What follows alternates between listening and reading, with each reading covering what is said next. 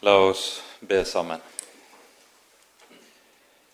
Kjære gode Herre og Hellige Far. Så takker og lover vi deg for ditt gode ord, og at du kommer til oss i og med og gjennom ordet ditt. Åpenbarer ditt navn for oss, for at vi også kan kjenne deg og tro deg og bli bevart hos deg. Vi ber Herre at du vil være hos oss med din Hellige Ånd og tale til oss, gi oss den lydhørhet i hjertet der du får lov til å tale alene. Vi ber Herre i ditt eget navn. Amen.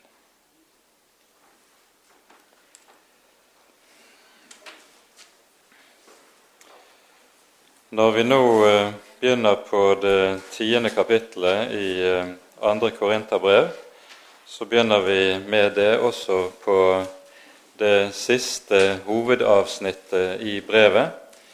Eh, eh, et hovedavsnitt der apostelen nå direkte konfronterer disse falske apostlene som har gjort seg gjeldende i Korint, og skapt så mye forvirring i menigheten som de har gjort. Og eh, vi vil se av dette, dette, avsnittet som vi nå går inn i, at Paulus er meget skarp i eh, sitt toneleie i dette avsnittet, eh, mens han tidligere i brevet så å si mer indirekte har tatt opp ulike sider ved eh, disse falske apostlene sitt, sin forkynnelse. Først og fremst eh, anklagene de kommer mot hans person. Eh, så er det slik at i denne delen, i dette avsnittet som vi nå går inn i, der går han mer direkte inn på deres forkynnelse og hva den innebærer. Og aller skarpest kommer dette til uttrykk i det ellevte kapittelet, der vi hører han sier om dem at de forkynner en annen Jesus. De kommer med et annet evangelium, og de bærer med seg en annen ånd enn Den hellige ånd. Og det er dypt alvorlige ting som dermed sies om disse. Men før vi kommer så langt, så er vi altså inne i det tiende kapittel, og vi leser dette i sammenheng, selv om vi neppe rekker å gå igjennom hele dette kapittelet eh, i detalj. I Jesu navn. Jeg, Paulus, formaner dere ved Kristi nedbøyethet og mildhet jeg som skal være så ydmyk når jeg står ansikt til ansikt med dere, men djerv imot dere når jeg er fraværende. Men jeg ber dere, la meg slippe å opptre djervt når jeg kommer til dere. For jeg akter å vise mitt mot ved å gå dristig frem mot visse mennesker som anser oss for å være slike, som går frem på kjødelig vis. For selv om vi lever i kjødet, så fører vi ikke vår strid på kjødelig vis. For våre våpen er ikke kjødelige, men de er mektige for Gud til å bryte ned festningsverker idet vi river ned tankebygninger, og enhver høyde som reiser seg mot kunnskapen om Gud, og tar enhver tanke til fange under lydigheten mot Kristus. Vi er rede til å straffe all ulydighet når bare deres egen lydighet er blitt fullkommen. Dere ser bare på det utvortes. Om noen er viss med seg selv på at han hører Kristus til, la ham da igjen dømme ut fra seg selv at like så vel som han hører Kristus til, så gjør også vi det. Om jeg skulle rose meg enda noe mer av vår myndighet, den som Herren har gitt oss til å oppbygge dere, ikke til å bryte ned, så vil jeg ikke bli til skamme, for at det ikke skal se ut som om jeg bare ville skremme dere med brevene mine. For brevene, sier de, er nok myndige og sterke, men når han er legemlig til stede, er han svak, og hans ord er ikke noe å bry seg om. Den som taler slik, skal tenke, slik som vi er i ord i brevene når vi er fraværende, slik er vi i gjerning når vi er til stede. Vi derimot tør ikke regne oss blant eller ligne oss med visse folk som gir seg selv vitnesbyrd. Men når de bruker seg selv som målestokk og sammenligner seg med seg selv, mangler de forstand. Vi vil ikke rose oss utover alle grenser, men bare etter den rette snor Gud har tilmålt oss, nemlig å nå frem til dere òg. For vi strekker oss slett ikke lenger enn vi rekker, som om vi ikke nådde frem til dere, for også til dere nådde vi frem med Kristi evangelium. Vi roser oss ikke over all måte av andres arbeid, men vi har det håp at deres tro må vokse, slik at vi til overmål må nå enda lenger gjennom dere etter den rette snor vi har fått. Da vil vi også kunne forkynne evangeliet i de land som ligger bortenfor dere, uten å ta æren for arbeid som allerede er utrettet av andre etter den rette snor som de har fått. Men den som roser seg, han skal rose seg i Herren. Det er ikke den som gir seg selv vitnesbyrd, som holder mål, men den som Herren gir vitnesbyrd. Amen. Vi kan godt todele dette avsnittet vi har lest, slik at de seks første versene hører med til første hoveddel av kapittelet, og så fra vers 7 av den andre hoveddelen. Og Paulus begynner dette avsnittet med en formaning. Jeg formaner dere. Og legg merke til hvordan han formaner. Han formaner ved Kristi nedbøyethet og mildhet. Når vi hører det formanende hovedavsnitt begynne i romerbrevet, sånn som vi hører det i Romane 12, eh, så hører vi det også begynner på lignende vis. Jeg formaner dere ved Guds miskunn, sier han. Det peker på at formaningstalen i Det nye testamentet er noe annet enn det vi veldig ofte har lett for å forbinde med den. Når Paulus nemlig formaner, så formaner han ikke ved loven, men han formaner ved Kristi person og det som er gitt og skjenket i og med Kristi person. Det er med andre ord slik at det som er drivkraften i det kristne liv som de formanes til, det er ikke loven, men det som er skjenket i evangeliet. Og det er dette som ligger i at Paulus uttrykker seg på denne måten. Jeg formaner dere ved Kristi miskunn. Jeg formaner dere ved. Og så peker han på hva de eier i evangeliet om Herren Jesus. I denne sammenheng så er det ikke tilfeldig at Paulus peker på Kristi nedbøyethet og mildhet. Eh, I den gamle oversettelsen sto det Kristi saktmodighet og mildhet. Eh, det ordet som anvendes, det betyr bokstavelig det å være nedbøyet i Ånden. Og Dette er et uttrykk som Jesus anvender om seg selv i Matteusevangeliets ellevte kapittel. Der sier han, 'Ta mitt åk på dere og lær av meg'. For mitt åk er ganglig, og min byrde er lett. Og så sier han, 'Jeg er saktmodig og ydmyk av hjerte. I den nye oversettelsen står det 'Jeg er nedbøyet og ydmyk av hjerte'. Sånn at her tales det om noe som Jesus er, en måte Jesus var på i sin omgang med mennesker.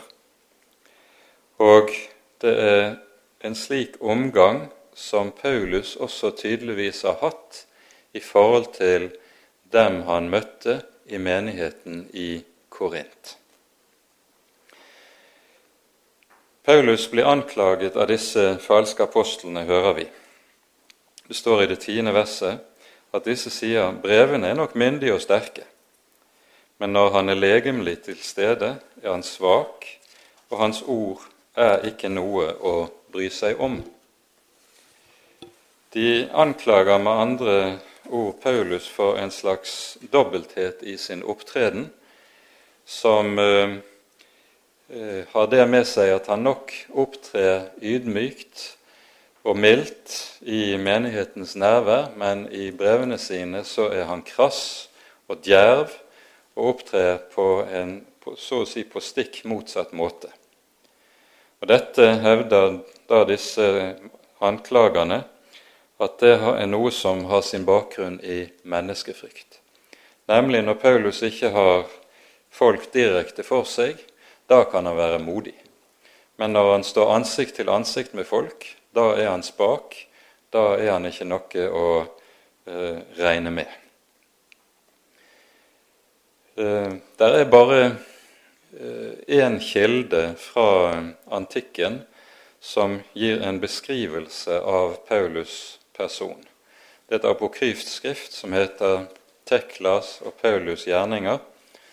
Og Der er Paulus' utseende bl.a. beskrevet. Han var en liten, Eh, mann, skallet, hadde et skarpt ansikt med ørnenese, var hjulbeint, og i sin fremtreden overfor mennesker så var han overmåte mild. Det sies uttrykkelig i den sammenhengen. Av og til kunne hans ansikt være som eh, skarpt som eh, en løves, av og til mildt som en engels. Eh, står det i denne beskrivelsen av Paulus' person. Men vi legger merke til i denne sammenheng at det understrekes nettopp også her denne talen om Paulus' omgang med de mennesker han fikk med å gjøre. Det var preget av mildhet, ydmykhet, saktmodighet. Bruker man hedenskapets målestokk, så vil det alltid være slik at en sånn måte å opptre på, det tolkes som svakhet. Og det er nettopp det disse anklagerne overfor Paulus har gjort. De har tolket nettopp hans mildhet og saktmodighet som svakhet. De mener at var Paulus virkelig den såre store apostel, så måtte han opptrådt med en helt annen autoritet og pondus som gjorde at folk eh, mye lettere ville bøye seg for hans personlige kraft og den måten å opptre på. Men sånn er det ikke. Akkurat som den Herre Jesus opptrådte med slik mildhet, med slik nedbøyethet, så er det også dette sinn som preger Paulus selv. Og Her kan vi kanskje minne om ordene i Filippabrevet 2, 5. La dette sinn være i dere som òg var i Kristus Jesus. Og Her er det viktig å være oppmerksom på at en av flere moderne oversettelser her misforstår, og derfor oversetter dette galt. De oversetter det som følger nemlig La dette sinnelag være i dere som òg var i Kristus Jesus. Som om Paulus her underviser i det vi kaller for sinnelagsetikk. Det er ikke det det taler om.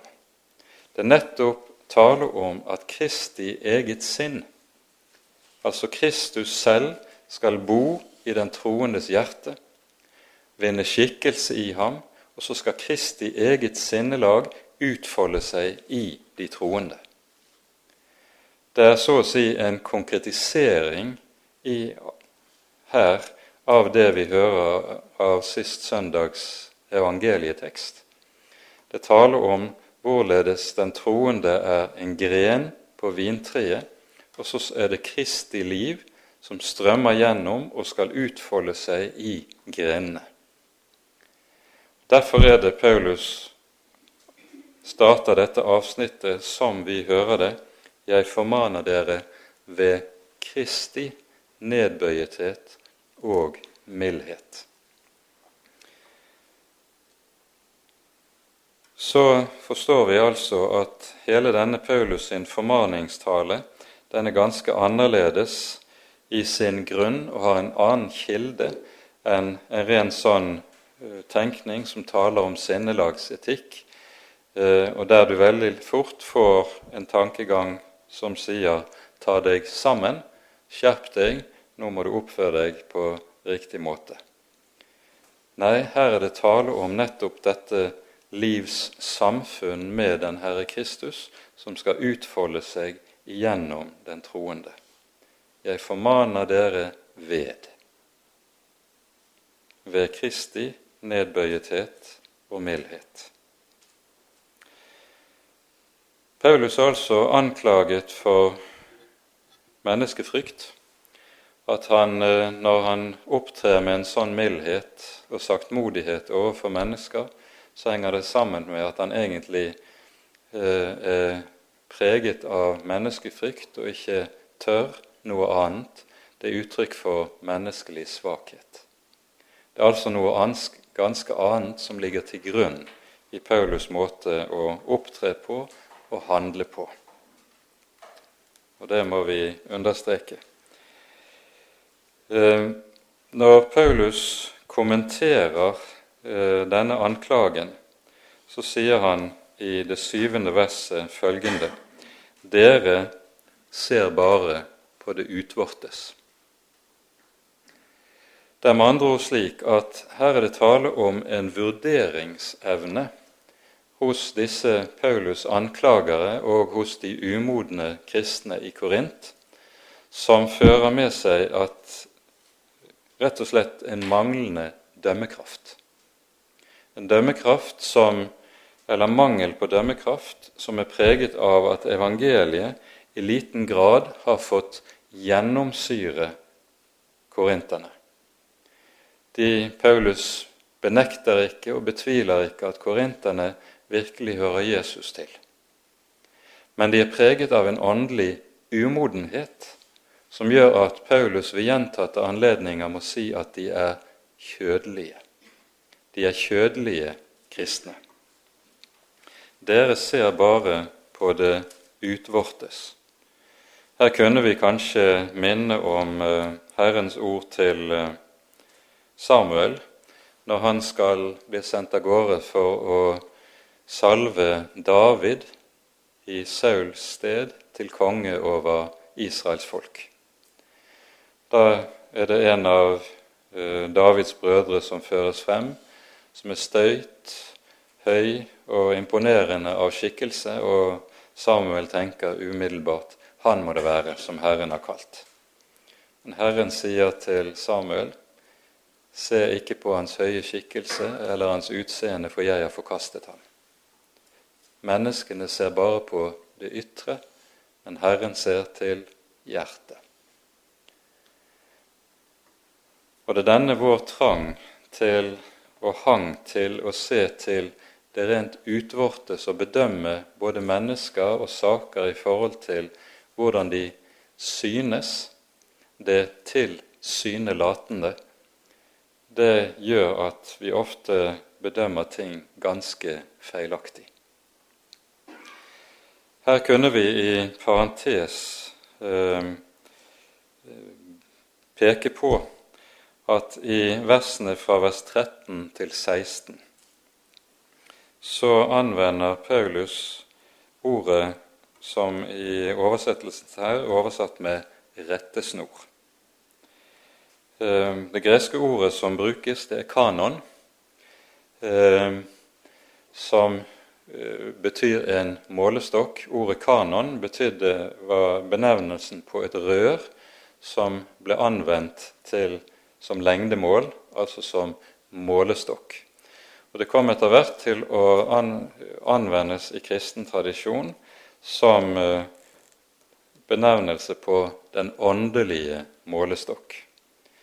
I Galaterbrevet kapittel 6, vers 16 f.eks., så hører vi at eh, ordet anvendes om den troens målestokk. Eh, det kalles gjerne for troens regel, som skal eh, være målestokken når de troende skal bedømme ulike forhold. Og Ordet kanon anvendes jo senere i teologiens historie som benevnelse på de skrifter som hører til Den hellige skrift i Det nye testamentet. Disse er nemlig målestokken, som alle ting skal måles etter, som eh, troen henter sin regel fra. Paulus anvender denne, eh, dette ordet kanon eller målestokk i denne sammenheng, og vi forstår at her er det tale om eh, en rettesnor som er gitt av Gud når det gjelder den virksomhet som apostelen er gitt. Og så skal korinterne bedømme Paulus' virke i henhold til den målestokk som er gitt av Gud, ikke i henhold til andre målestokker. Og der er inne, Dermed er vi inne på det som i Skriften er grunnlaget for rett åndelig dømmekraft. Noe som er helt avgjørende for den troende menighet om den skal kunne bli bevart.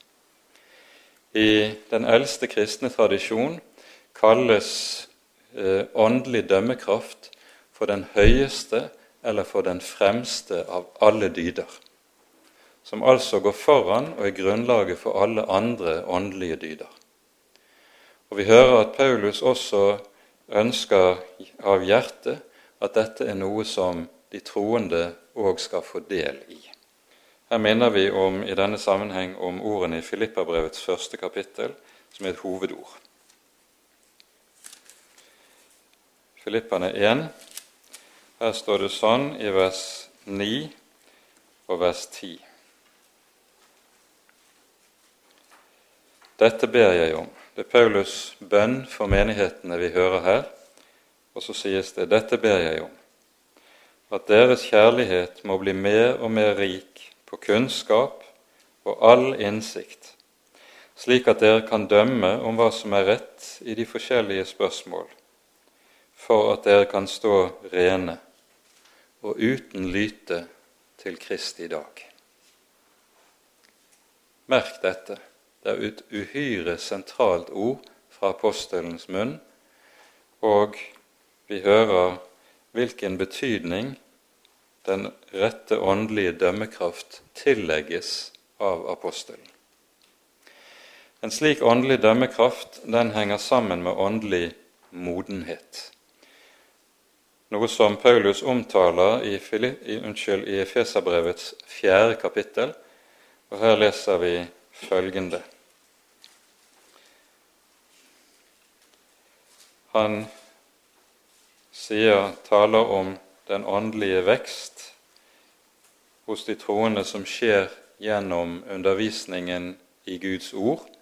Og så står det fra vers 13 og 14 følgende.: Inntil vi alle når frem til enhet i tro på Guds sønn og i kjennskap til ham, til manns modenhet, til aldersmålet for Kristi fylde, for at vi ikke lenger skal være småbarn og la oss kaste og drive omkring av ethvert lærdoms, enhver lærdoms vind, ved menneskenes spill, ved kløkt i villfarelsens listige knep. Her hører vi altså at en slik åndelig modenhet den gir også evne til å kunne bedømme de ulike foreteelser i Åndens verden slik at den kan bevares fra bedrag på ulike områder. For bedrag er det nok av i Åndens verden. Vender vi nå tilbake til eh, tiende kapittel i andre Korinterbrev, så er det tydelig at Paulus eh, misliker å skulle opptre med strenghet, med streng myndighet og autoritet i forhold til de troende i Korint. Derfor hører vi det lyder i det andre verset Jeg ber dere, la meg slippe å opptre djervt. Her bruker Paulus et ord som i grunnteksten som ellers anvendes om bønn til Gud. Nå ber han korinterne, jeg ber dere, la meg slippe å opptre slikt. Han kan opptre med myndighet, med styrke og strenghet om så er nødvendig, og han varsler at han vil gjøre det overfor vranglærerne. Men han vil helst slippe å gjøre det overfor menigheten som helhet. Her ser vi i hvor sterk grad Paulus er preget av Kristi eget sinn. For vår Herre Jesus kunne sannelig være sterk, sannelig vise myndighet og autoritet når han f.eks. sto overfor fariseerne, deres lære og deres hykleri. Da kunne han sannelig være både sterk, streng og tale med den største myndighet. Men det allmenne i Jesu omgang med mennesker var nettopp hans mildhet hans kjærlighet overfor det enkelte mennesket, også når mennesker ofte kunne ta feil, bomme.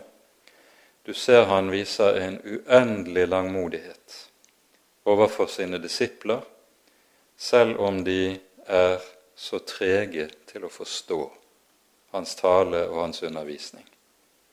Denne langmodighet og mildhet preger den Herre Jesus. Og det er noe av det samme som også preger hans apostel. Og så hører vi, og vi forstår, han misliker det å skulle opptre med denne strengheten som tidvis kan kreves av ham. Det er ikke noe som ligger ham for hånden. Det som nå følger fra andre halvdel av vers 2 og frem til vers 5. Det er et overmåte betydningsfullt avsnitt. Jeg, sier Paulus, akter å vise mitt mot ved å gå dristig frem mot visse mennesker som anser oss for å være slike som går frem på kjødelig vis. Uttrykket 'på kjødelig vis' er nå utgangspunkt for det som vi hører i fra vers 3 til 5. For selv om vi lever i kjødet, altså lever her i verden som mennesker av kjøtt og blod, så fører vi ikke vår strid på kjødelig vis. Og Her bruker eh, Paulus ordet 'kjød' i to ulike betydninger i samme vers. Det er verd å merke seg. Første betydningen, første gangen vi hører det, selv om vi lever i kjødet, altså vi lever i verden som mennesker av kjøtt og blod, så sier han i neste omgang vi strider ikke på kjødelig vis, på kjødelig måte. Og Da brukes begrepet kjød på, i ordets negative betydning, det som nemlig er preget av det syndige mennesket, på samme måte som Jesus anvender ordet kjød i Johannesevangeliets tredje kapittel. Det som er født av kjødet, er kjød. Det som er født av Ånden, er ånd. For det første så hører vi Paulus taler om en strid her. Vi bruker jo av og til ordet åndskamp i kristen sammenheng, og det er sannelig det det er tale om i, her. Ordet strid det er et ord som etter grunnteksten bokstavelig talt betyr å føre krig. Så det er det det taler om. Det er et drastisk begrep, og vi hører jo også Paulus i en rekke sammenhenger i brevene sine, så anvender han bildet bilde av hentet fra krigføring. Eh, det bildet som antagelig eh, er best kjent for de fleste, det er talen om Guds fulle rustning i Efeserbrevets sjette kapittel. Men vi møter også dette bildet i en rekke andre sammenhenger. Viktigst her er kanskje ordene i eh, Timotius, første og andre Timotius brev om det som kalles for den gode strid. Det samme begrepet som anvendes også i den sammenhengen. Poenget her er da at denne strid føres og må ikke føres på kjødelig vis, altså på kjødelig måte.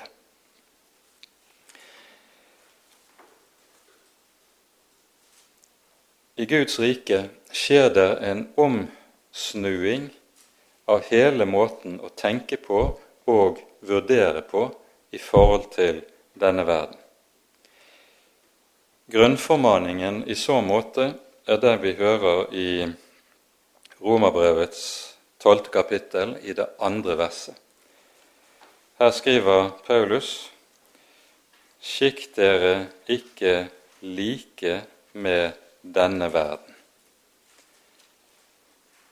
men bli forvandlet ved fornyelsen av deres sinn. Dette uttrykket 'skikk dere ikke lik med denne verden' betyr bokstavelig så må det oversettes 'gå ikke etter samme skjema som denne verden'. Og når det brukes ordet eller oversettes 'denne verden', så anvender grunnteksten et ord som betyr 'denne tidsalder'. Det er altså tale om tids, det vi kaller for tidsånden i denne sammenheng. Og Dermed er vi inne på noe som er uhyre betydningsfullt i Det nye testamentet. Her møter vi en grunnformaning som er uhyre betydningsfull. Samtidig så hører vi vår Herre Jesus i Johannesevangeliets 18. kapittel gir oss et grunndatum om sitt eget rike. Han sier følgende i forhøret hos Pilatus.: Mitt rike er ikke av denne verden. Og så føyer han til Var mitt rike av denne verden, da hadde mine tjenere kjempet, så jeg ikke skulle bli overgitt til dere. Men nå er mitt rike ikke av denne verden. Altså Jesu rike er et rike som er et annerledes rike, og som derfor, om det skal strides eller forsvares, så skal det ikke strides i dette riket, og det skal ikke forsvares på kjødelig vis, altså med ytre våpenmakt. Når Peter trekker sverdet i Getsemane, hogger øret av eh, Malkus, så får han beskjed av Herren Jesus, stikk ditt sverd i skjeden. Den som griper til sverd, skal falle på sverd. Og Samtidig så er det noe dypt billedlig i dette. Når Peter vil forsvare Jesus med vold og makt, hva skjer? Han hogger øret av yppersteprestens tjener. Og Det er også det som skjer der man søker å forsvare Guds rike, evangeliet, med vold. Man hogger ører av mennesker.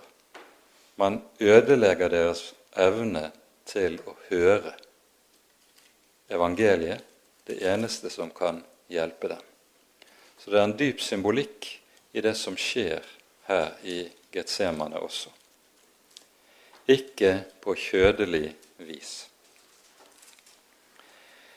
Det innebærer at åndelig dømmekraft tenker og taler vesentlig forskjellig fra det som kjennetegner alt det som kjennetegner denne verden.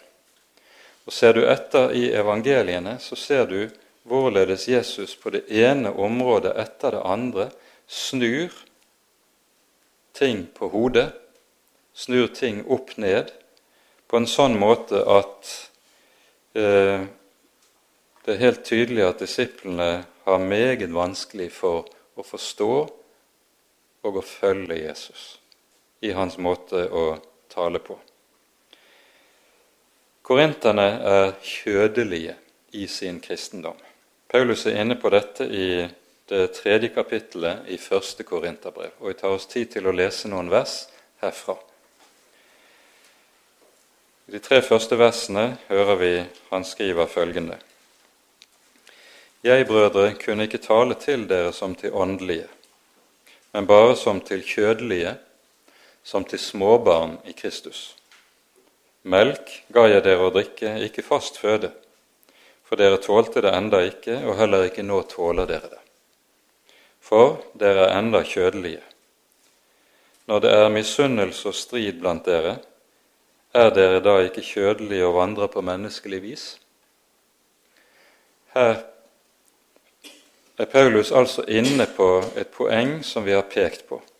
Paulus betviler ikke at korinterne er troende, at de hører Jesus til.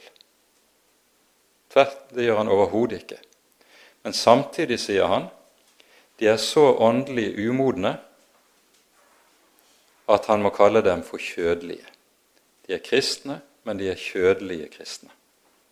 Og så peker han på noen karakteristikker som avslører denne tilstand som preger dem. Lenger ut i kapittelet vender Paulus tilbake til samme sak. I, fra vers 11 så hører vi Paulus undervise nemlig om arbeidet i Guds rike. Han sier ingen kan legge en annen grunnvoll enn den som er lagt. Det er Kristus Jesus. Og så følger det.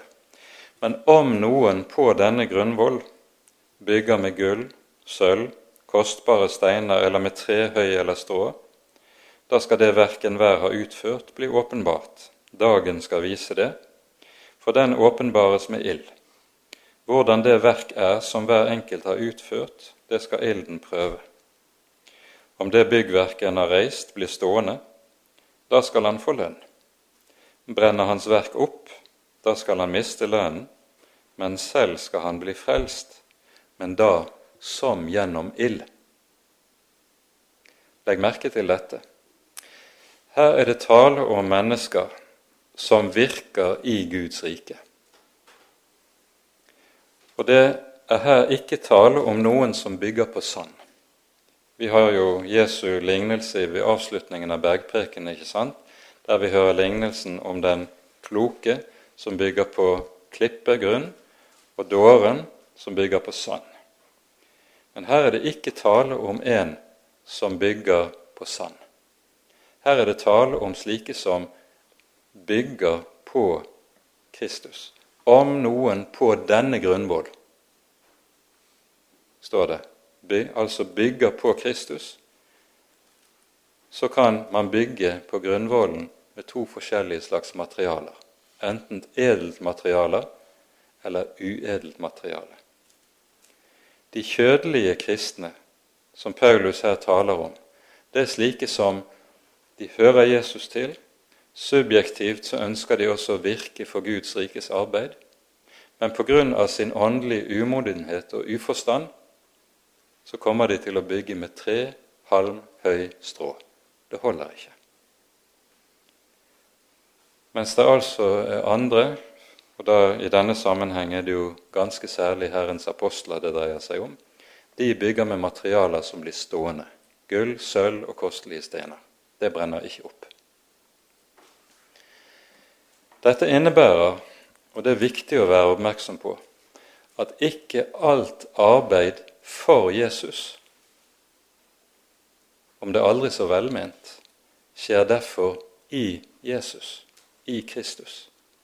At noen arbeider for Kristus, det betyr ikke derfor at deres kilden til deres virke, er av Kristus.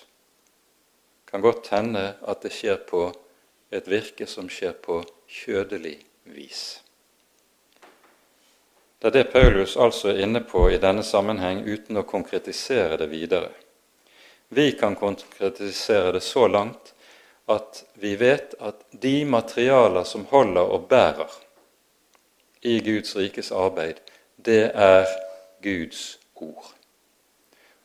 Guds rike kan bare bygges med Guds ord, og med Guds ord rett forkynt.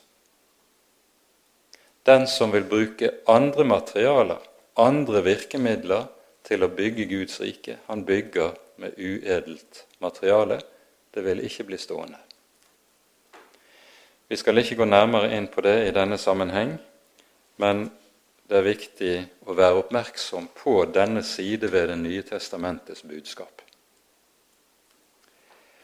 Jesus vender opp ned på vår måte å tenke på i evangeliene.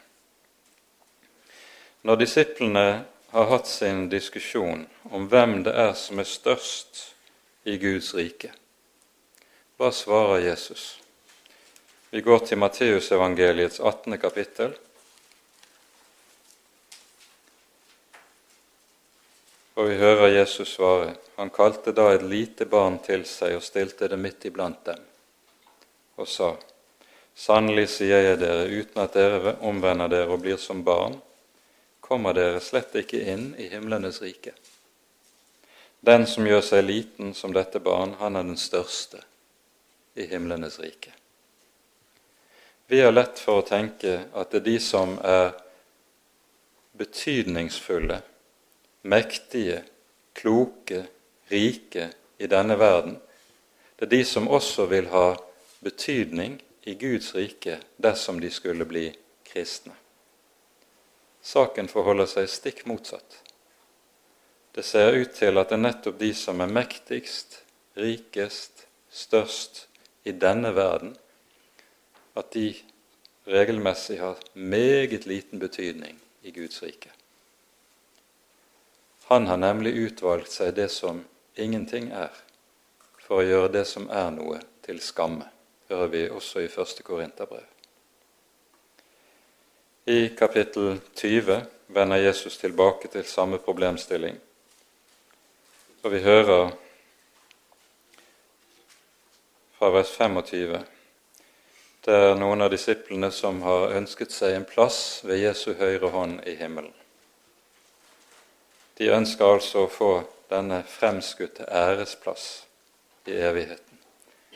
Hva svarer Jesus? Jesus kalte disiplene til seg og sa:" Dere vet at fyrstene hersker over folkene sine, og stormennene deres har makt over dem. Slik skal det ikke være blant dere. Den som vil være stor blant dere, skal være de andres tjener, og den som vil være den første blant dere, skal være de andres tell like som menneskesønnen ikke er kommet for å la seg tjene, men for selv å tjene og gi sitt liv til løsepenge i mange sted. Jesus snur alt på hodet. I hans rike er det annerledes enn i verden. I verden anvendes makt. I Guds rike anvendes ikke makt. Maktspråk og maktbruk er vesensfremmed for Guds rikes evangelium. I Guds rike er det bare ett middel, ett maktmiddel som kan og skal brukes, og det er Guds ord. Intet annet. For det er ved ordet Herren utfører sin gjerning. Og så skal alle andre menneskelige maktmidler de skal nettopp være det som Paulus her kaller for, vurderes som dette er kjødelig. Det er noe som er kjødelig, og som derfor ikke skal anvendes i Guds rike sammenheng. Slik kunne vi fortsette. I våre dager er man veldig opptatt av effektivitet. For det er om å gjøre å være meget effektiv med tanke på utbredelsen av evangeliet. Det handler om, får vi stadig høre, at evangeliet må nå flest mulig fortest mulig. hvordan virket vår Herre Jesus i sitt jordiske virke. Hvis han hadde vært opptatt av det som vi er opptatt av i våre dager, så var i hvert fall det første han hadde gjort, var å skaffe seg en rask hest. Så han kunne komme fortere fra by til by eh, og forkynne sitt budskap, og dermed nå over flere mennesker. Jesus gjør ikke det. Han går den langsomme veien, vandrer støvete vei, langs støvete veier i Galilea. Det er sannelig ikke noe effektivt over Jesu virke. Og langsomt vandrer han frem, treffer på et menneske her som er i nød, får gi det hjelp. Treffer på et annet menneske der som er i nød, og får rekke det sin hjelp. Og det evangeliene er fulle av, hva er det? Det er beretninger om hvordan Jesus stanser opp ved den enkelte. Det er ikke opptatthet av de store tall, men det er nettopp dette ineffektive at Jesus tar seg av den ene og den enkelte. Det er andre målestokker og vurderingsnormer som gjelder i Guds rike sammenheng, og vi skal være ytterst, ytterst varsomme og skeptiske med å importere denne verdens målestokker inn for å anvende det på Guds rikes arbeid. Dette gjelder i alle sammenhenger, og vi lærer det meget sent.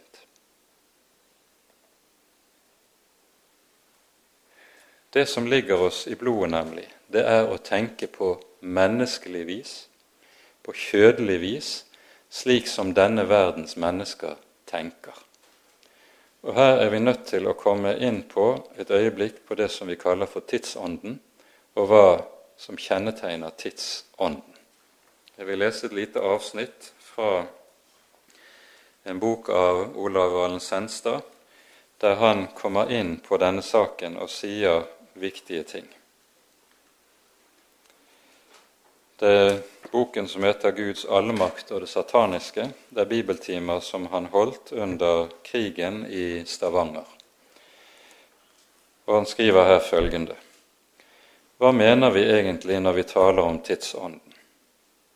Prøver vi å gjøre oss det klart, så skjønner vi at tidsånden i stor utstrekning faller sammen med det vi med et moderne ord kaller for mentalitet, dvs. Si en innstilling og en forholdsmåte, en tankemåte, yndlingsideer og strømninger som på en bestemt tid preger og behersker visse helheter av mennesker som hører sammen.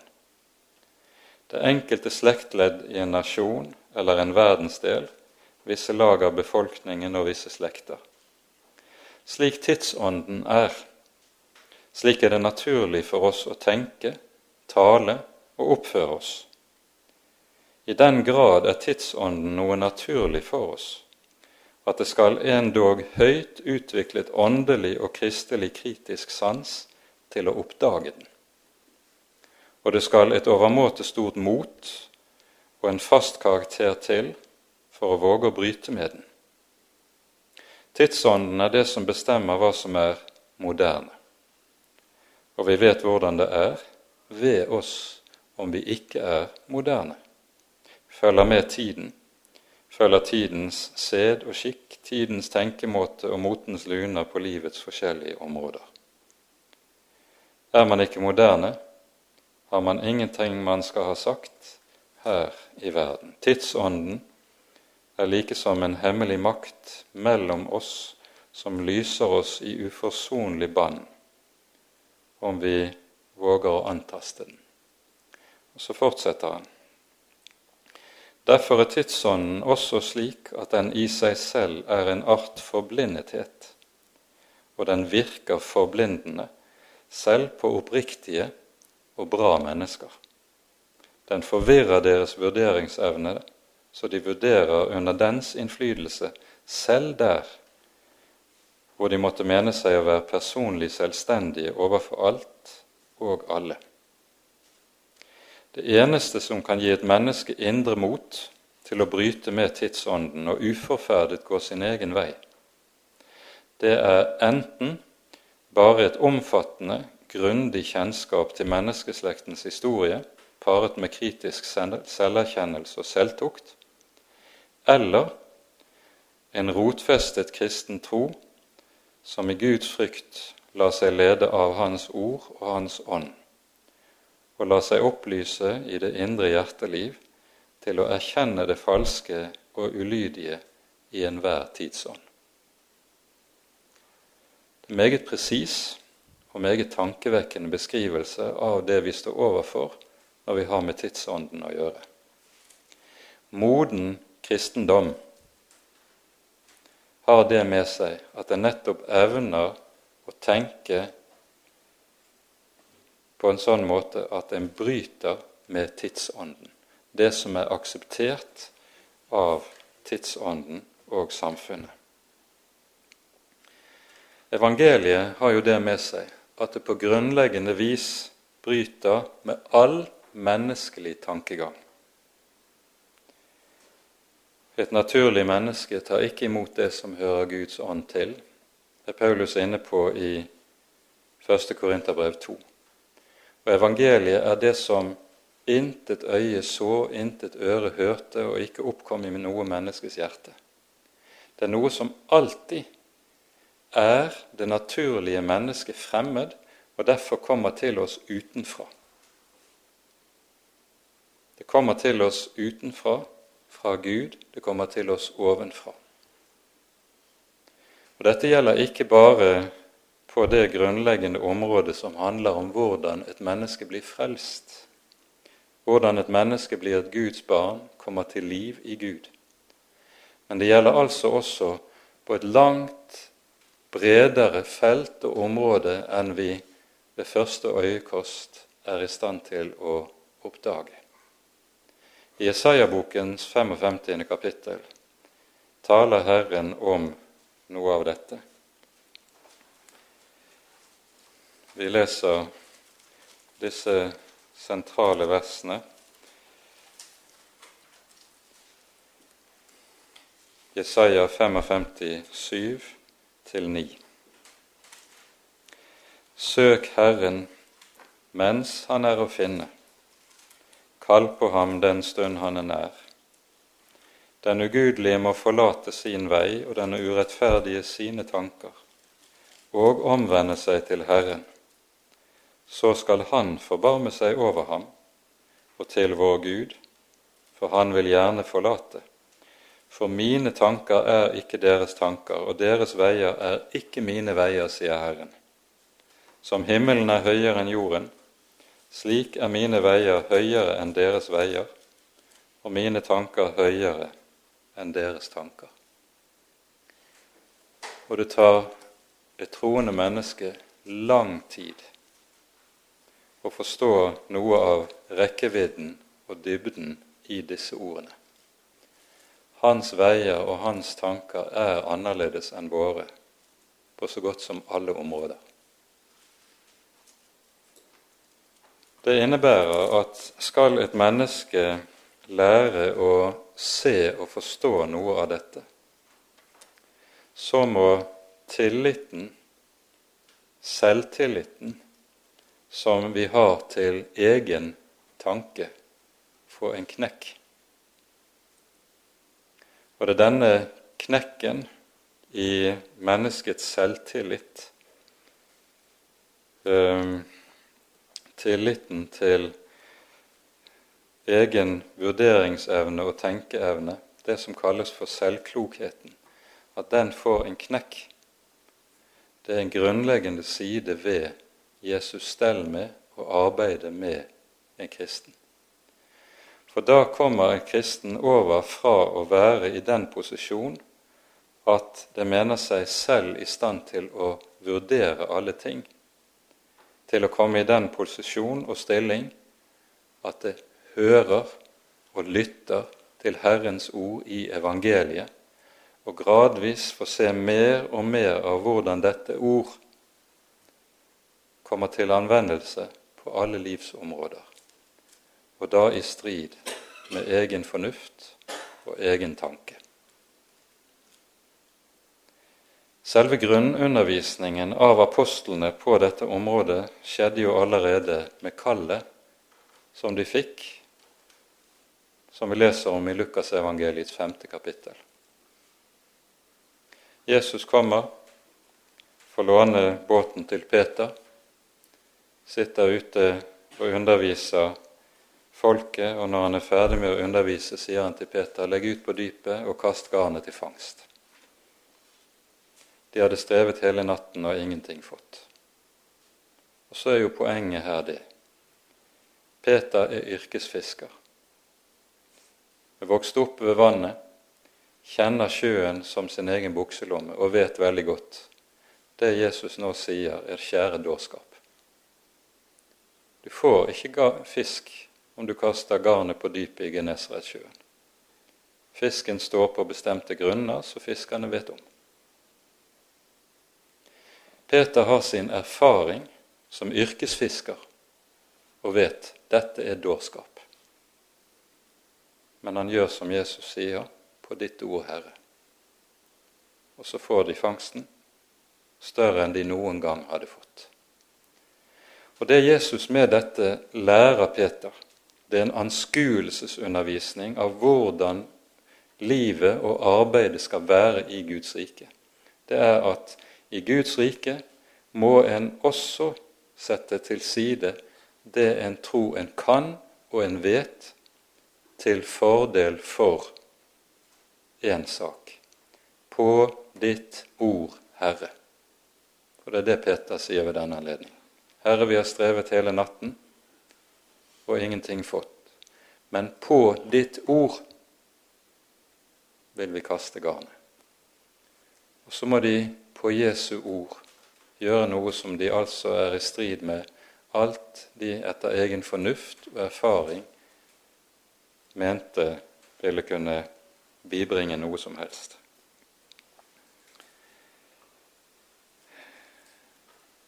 Dette er grunnlærdommen som Jesus må lære disiplene når de skal bli apostler. Men vi ser det tar lang, lang tid før de forstår rekkevidden av det.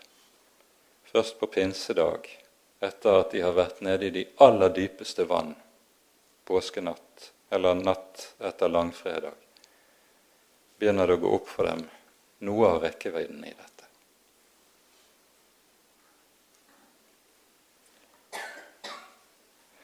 Poenget når Paulus uttrykker seg som han gjør i 2. Korinterbrev 10, det er, som vi hører det, for våre våpen er ikke kjødelige, men de er mektige for Gud. Til å bryte ned festningsverker i det vi river ned tankebygninger og enhver høyde som reiser seg imot kunnskapen om Gud. Disse versene har jo gjerne vært anvendt som så å si grunnordene når det handler om kristen apologetikk, og de kan godt anvendes slik bare vi er oppmerksom på og er klar over at de har langt videre anvendelse enn i forhold til det rent teoretiske apologetiske arbeid. Poenget for Paulus i denne sammenheng det er når han bruker begrepet høyde. Så peker han på dette at det er menneskelige tankebygninger som er uttrykk for den menneskelige selvklokskap, dypest sett henger sammen med det menneskelige hovmot. Og det sitter dypt. Og Så sier vår Herre Jesus i Lukasevangeliets 16. kapittel alt som er høyt i menneskers øyne, er vederstyggelig i Guds øyne. Det er et bibelord som ikke siteres veldig ofte, men det er uhyre sentralt i denne sammenheng.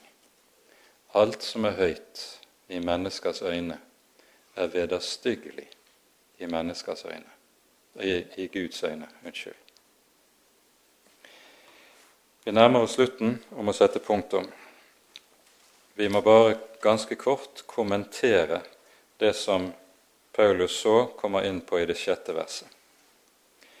vi er rede til å straffe all ulydighet når bare deres egen lydighet er blitt fullkommen. Her bruker Paulus et ordpar, lydighet og ulydighet, som har ganske bestemt betydning på gresk. Ordet lydighet på gresk det kommer av et ord som bokstavelig betyr å stå under det hørte. Du vet du hører Guds ord og vet deg selv å stå under dette ord, ikke over det. Det er ordet som bedømmer deg, ikke du som bedømmer ordet. Det er, ord, det er grunnbetydningen av ordet lydighet i Det nye testamentet. Det andre ordet som er oversatt med lydighet, parakoe på gresk, det betyr å stå utenfor eller hinsides det hørte. Det er betegnelsen altså på et menneske som ikke vil høre Herrens ord. Det er ulydigheten. Lydigheten som forventes hos Paulus, det er at en menighet skal være kjennetegnet av at den står under det hørte, under Guds ord. Det er menighetens grunnkjennetegn, slik Det nye testamentet taler om menigheten. Og når Paulus da også kan finne det nødvendig tidvis å tale skarpt til menigheten, så gjør menigheten vel i å minne seg selv om ordene i Ordspråksbokens tolvte kapittel. Den som elsker tukt, elsker kunnskap, men den som hater refselse, er dum. Den som står under Guds ord, han bøyer seg for dette ord, også når ordet lyder skarpt og går i rette med meg. Han tar ikke bare til seg Guds ord når det smaker søtt og er liflig for ganen, men også der ordet kan lyde kvast. Den som hater refselse, er dum, sier ordspråksboken ganske uforblommet. Og vi gjør vel i å notere oss det også i våre hjerter. Det blir så mye vi rakk i dag, eh, men det er såpass grunnleggende saker, dette som Paulus her er inne i, at vi måtte anvende såpass mye tid på det i denne sammenheng. Ære være Faderen og Sønnen og Den hellige ånd, som var og er og være skal, en sann Gud, høylovet i evighet. Amen.